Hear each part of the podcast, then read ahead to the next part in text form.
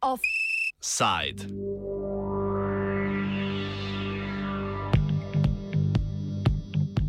Vrnitev političnih dvoživk.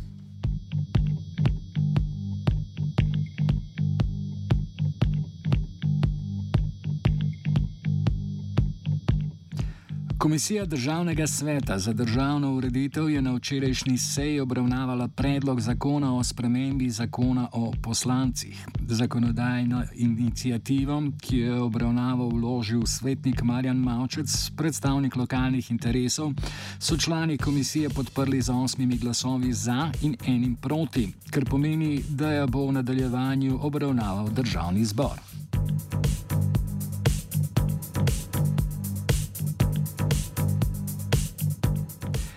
Predlog sprememb oziroma spremembe se nanaša na drugi stavek desetega člena zakona o poslancih, ki določa, da poslanec ne sme upravljati funkcije župana ali podžupana v občini. Ta bi bil v skladu s predlogom črtan, s čimer bi odpravili nezdružljivost poslanske in županske funkcije, ki je bila v slovenski pravni red uvedena leta 2011 v času vlade Boruta Pahorja. Odločitev za odpravo tako imenovanega dvojnega mandata povzame Miro Haček, izredni profesor na Fakulteti za družbene vede Univerze v Ljubljani.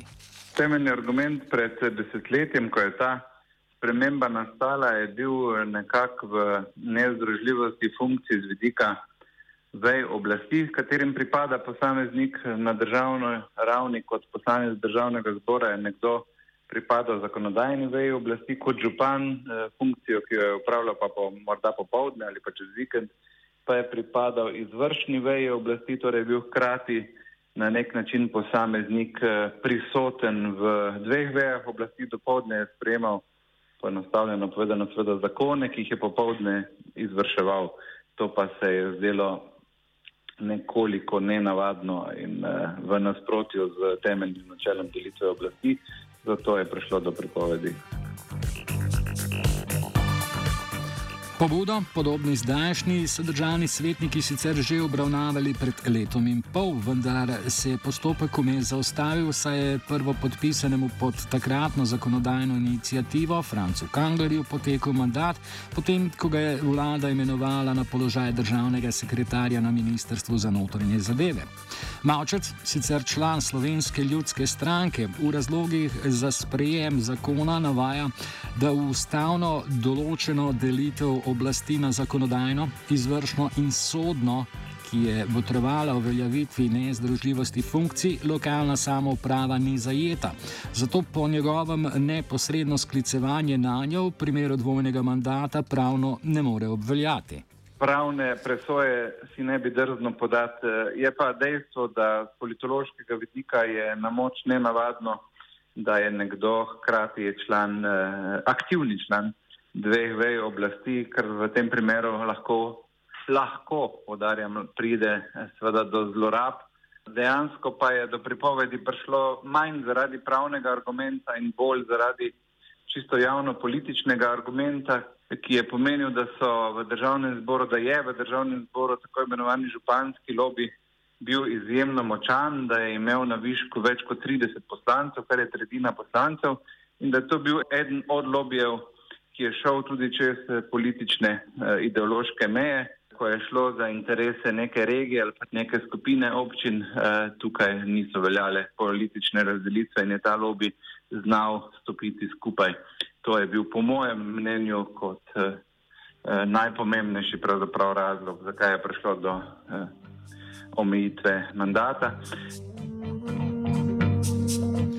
Sprejetje zakona o poslancih, kot velja danes, pred desetletjem ni bila enostavna naloga. Prvo podpisani pod eh, predlog sprememb je bil takratni poslanec stranke Zares, Franci Kek, ki opiše, kako je pri koalicijskih partnerjih SD-ju, Desusu in LDS-u iskal politično podporo.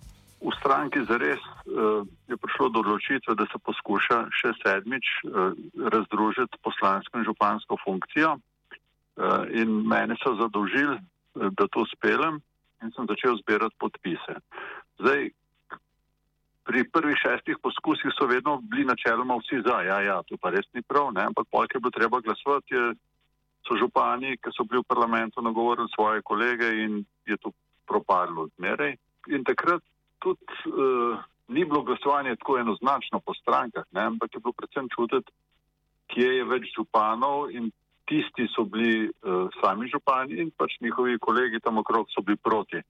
Uh, na pamet zdaj ne vem, kako je kdo glasoval. In te podpise sem zbiral tako, par mesecev, ni bilo enostavno. Uh, in na koncu se spomnim, smo imeli eno srečanje vseh koalicijskih strank in sem izkoristil trenutek in Pahor je vprašal, kaj je zdaj s to nezdružljivostjo. Saj so vendar vse koalicijske stranke zatrdile, da bodo to podprle. Od desusa pa nimam še nobenega podpisa in ne se zdaj Karel Rjavc in Zanoškar vodja poslanske skupine izjasnita, če se če boste to naredili, ker je bilo zmenjeno. Ne? In posla tam na tistem sestanku tudi ona, da je to potrdila.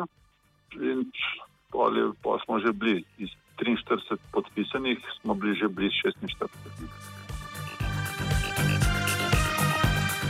Tokratni predlog zakona se opira na ureditev v pravnih eh, sistemih Avstrije, Belgije in Hrvaške, kjer funkciji primerljivi slovenski, poslanski in županski nista nezdružljivi.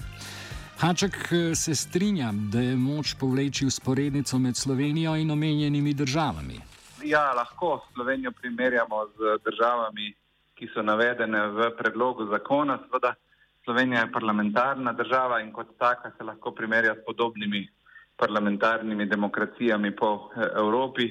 Morda malo manj za Avstrijo, ki je vendarle ni unitarna država, ker je federacija, lahko pa brez težav Slovenijo primerjamo z Belgijo eh, Hrvaško, pa še s kako državo, ki je predlagatelji niso navedli, pa prav tako spodbuja to dvojno, dvojno funkcionarstvo, na nek način spodbuja župane, da se aktivirajo tudi na državni ravni, tam pridobivajo izkušnje in te izkušnje prenašajo nazaj na lokalno raven, takšna država je recimo Francija.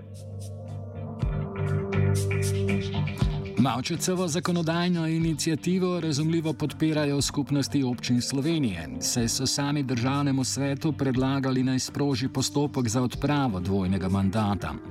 Stališče največjega reprezentativnega združenja občin v Sloveniji predstavi predsednik skupnosti, župan početrtka Petr Misja. Lahko rečem, da smo bili tako in tako že diskriminirani, da smo nekako kot edini v Sloveniji bili predlagani kot neprimerni za poslance oziroma za državni zbor. Zdaj ugotavljamo, da je to s tem, ko ni več dobenega župana v državnem zboru, da je pač veliko manjša razprava o sami lokalni samoupravi in da je potrebno izkušen kader, ki ga imamo v občinah, tudi mu omogočiti, da lahko kandidira za poslanca. Med včerajšnjo razpravo v državnem svetu je bilo slišati, da je državni zbor odtujen od lokalne samouprave. To mnenje deli tudi Haček. Državni zbor je po 2000, letu 2011, ko je bilo kinjeno eh, dvojno funkcionarstvo, definitivno zgubil eh, najbolj izkušene poslance. Večina se je odločila, da bo raje upravljala funkcijo župana kot funkcijo poslanca in na ta način se kvaliteta dela v državnem zboru vidno in zlahka dokazljivo zmanjšala.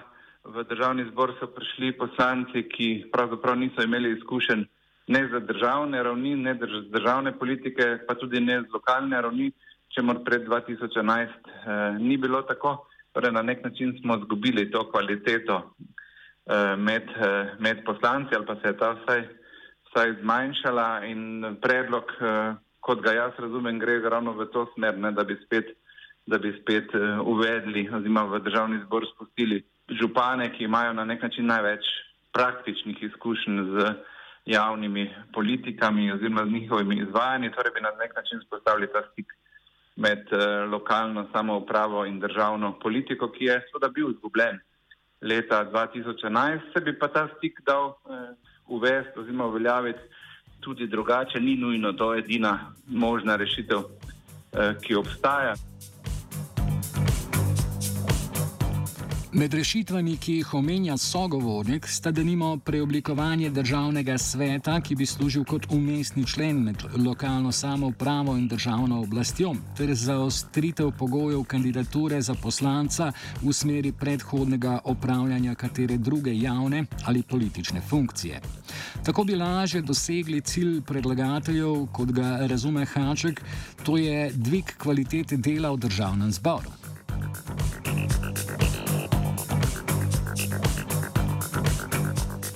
Nad poslanskim nerazumevanjem lokalnega okolja pa toži misija, ki meni, da bi župani v poslanskih klopeh pripomogli k plodnejšim razpravam.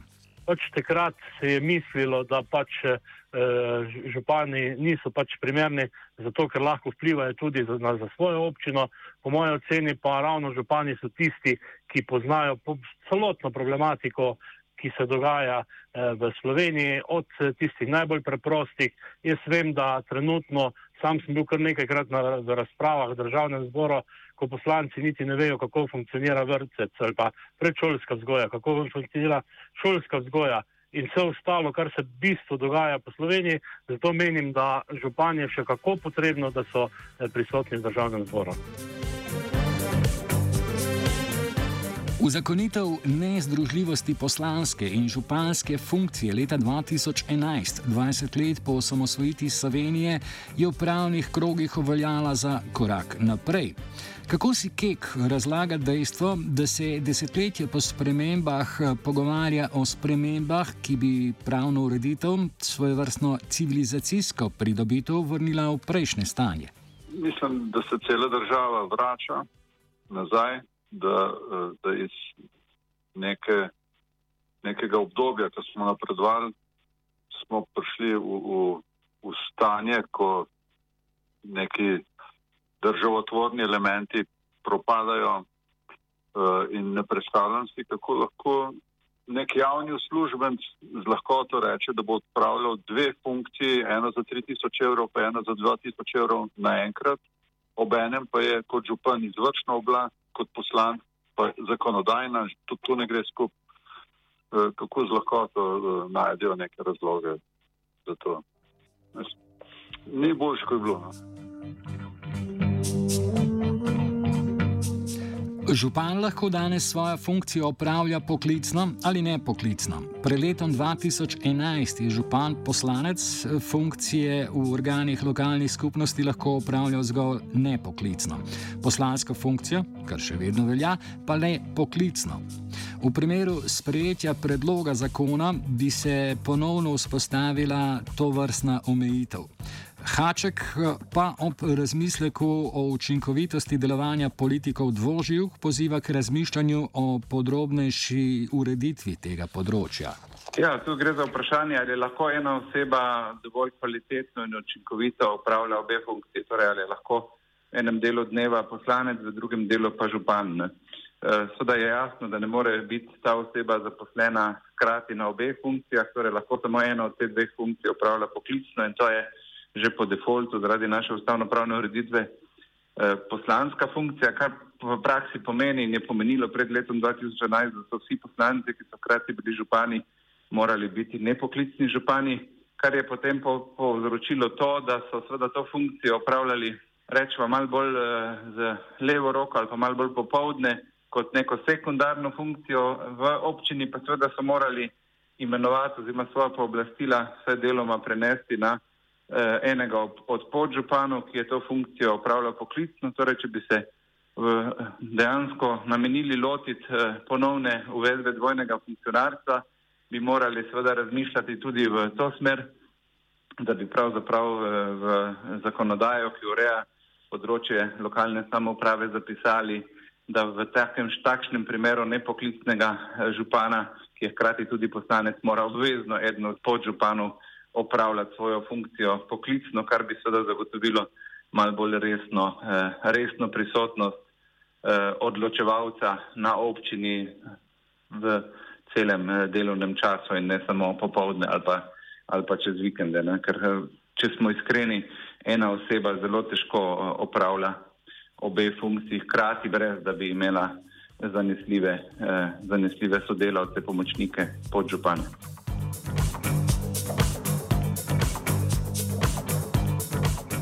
Enaka ali bolj pomembna dilema od učinkovitosti je nepristranskost politika, ki združuje poslansko in župansko funkcijo.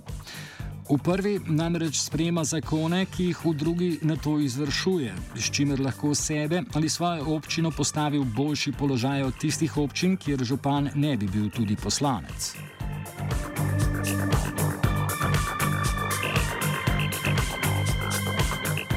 Odpiranje vprašanja o ponovni uvedbi dvojnega mandata, ki ob apetitih nekaterih županov po poslanskih stavčkih v določenem delu naslavlja dejansko pomankanje posluha za lokalno samoupravo, bi se lahko elegantneje izognili z izvajanjem procesa regionalizacije.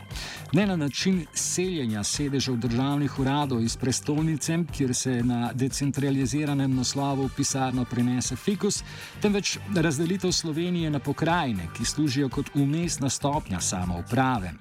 Ta je ne na zadnje določena tudi v ustavi. O prednostih in pa z teh regionalizacije več haček. To bi bila ena, možna, ena od možnih rešitev, da se proces regionalizacije lahko izpelje tudi pametno na način, da, to, da to ne bo nujno povzročilo bistvenega povečanja števila zaposlenih eh, v državni, mislim, v javni upravi.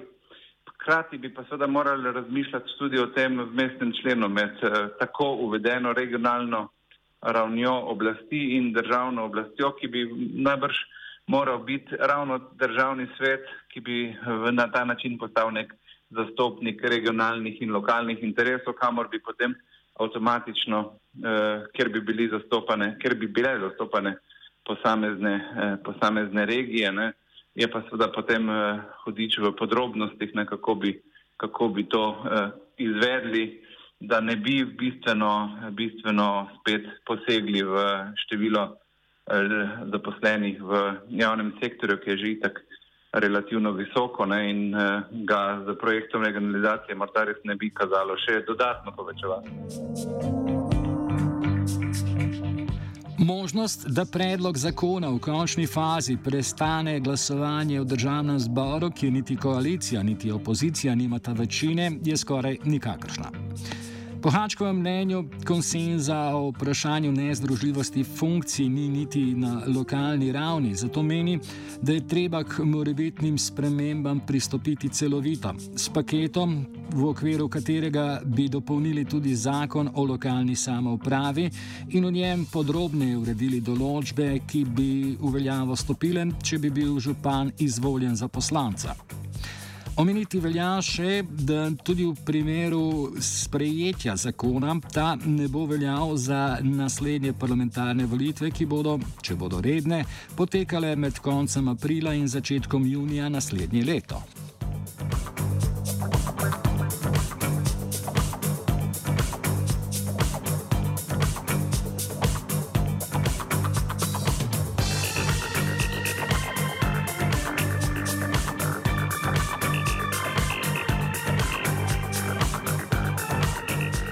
Vlada Janeza Janše te dni na mesto pokrajin obiskuje statistične regije. Če odmislimo, da je turnaja po Sloveniji pravzaprav že začetek predvolilne kampanje, se zdi, da je lokalna samouprava vseeno deležna kar nekaj pozornosti, čeprav morda preveč sporadično in geografsko neenakomerno. Ob koncu se zato postavlja vprašanje, ali bi nekateri izkušeni politiki, večinoma iz etabliranih strank, kot so SD, SDS in SLS, ki, se, ki so se zaradi županske funkcije odpovedali poslanski, lahko bolje nagovarjali predstavnike državne oblasti, ali pa zato potrebujejo zakon, ki bi jih ob izvolitvi vrnil v parlament.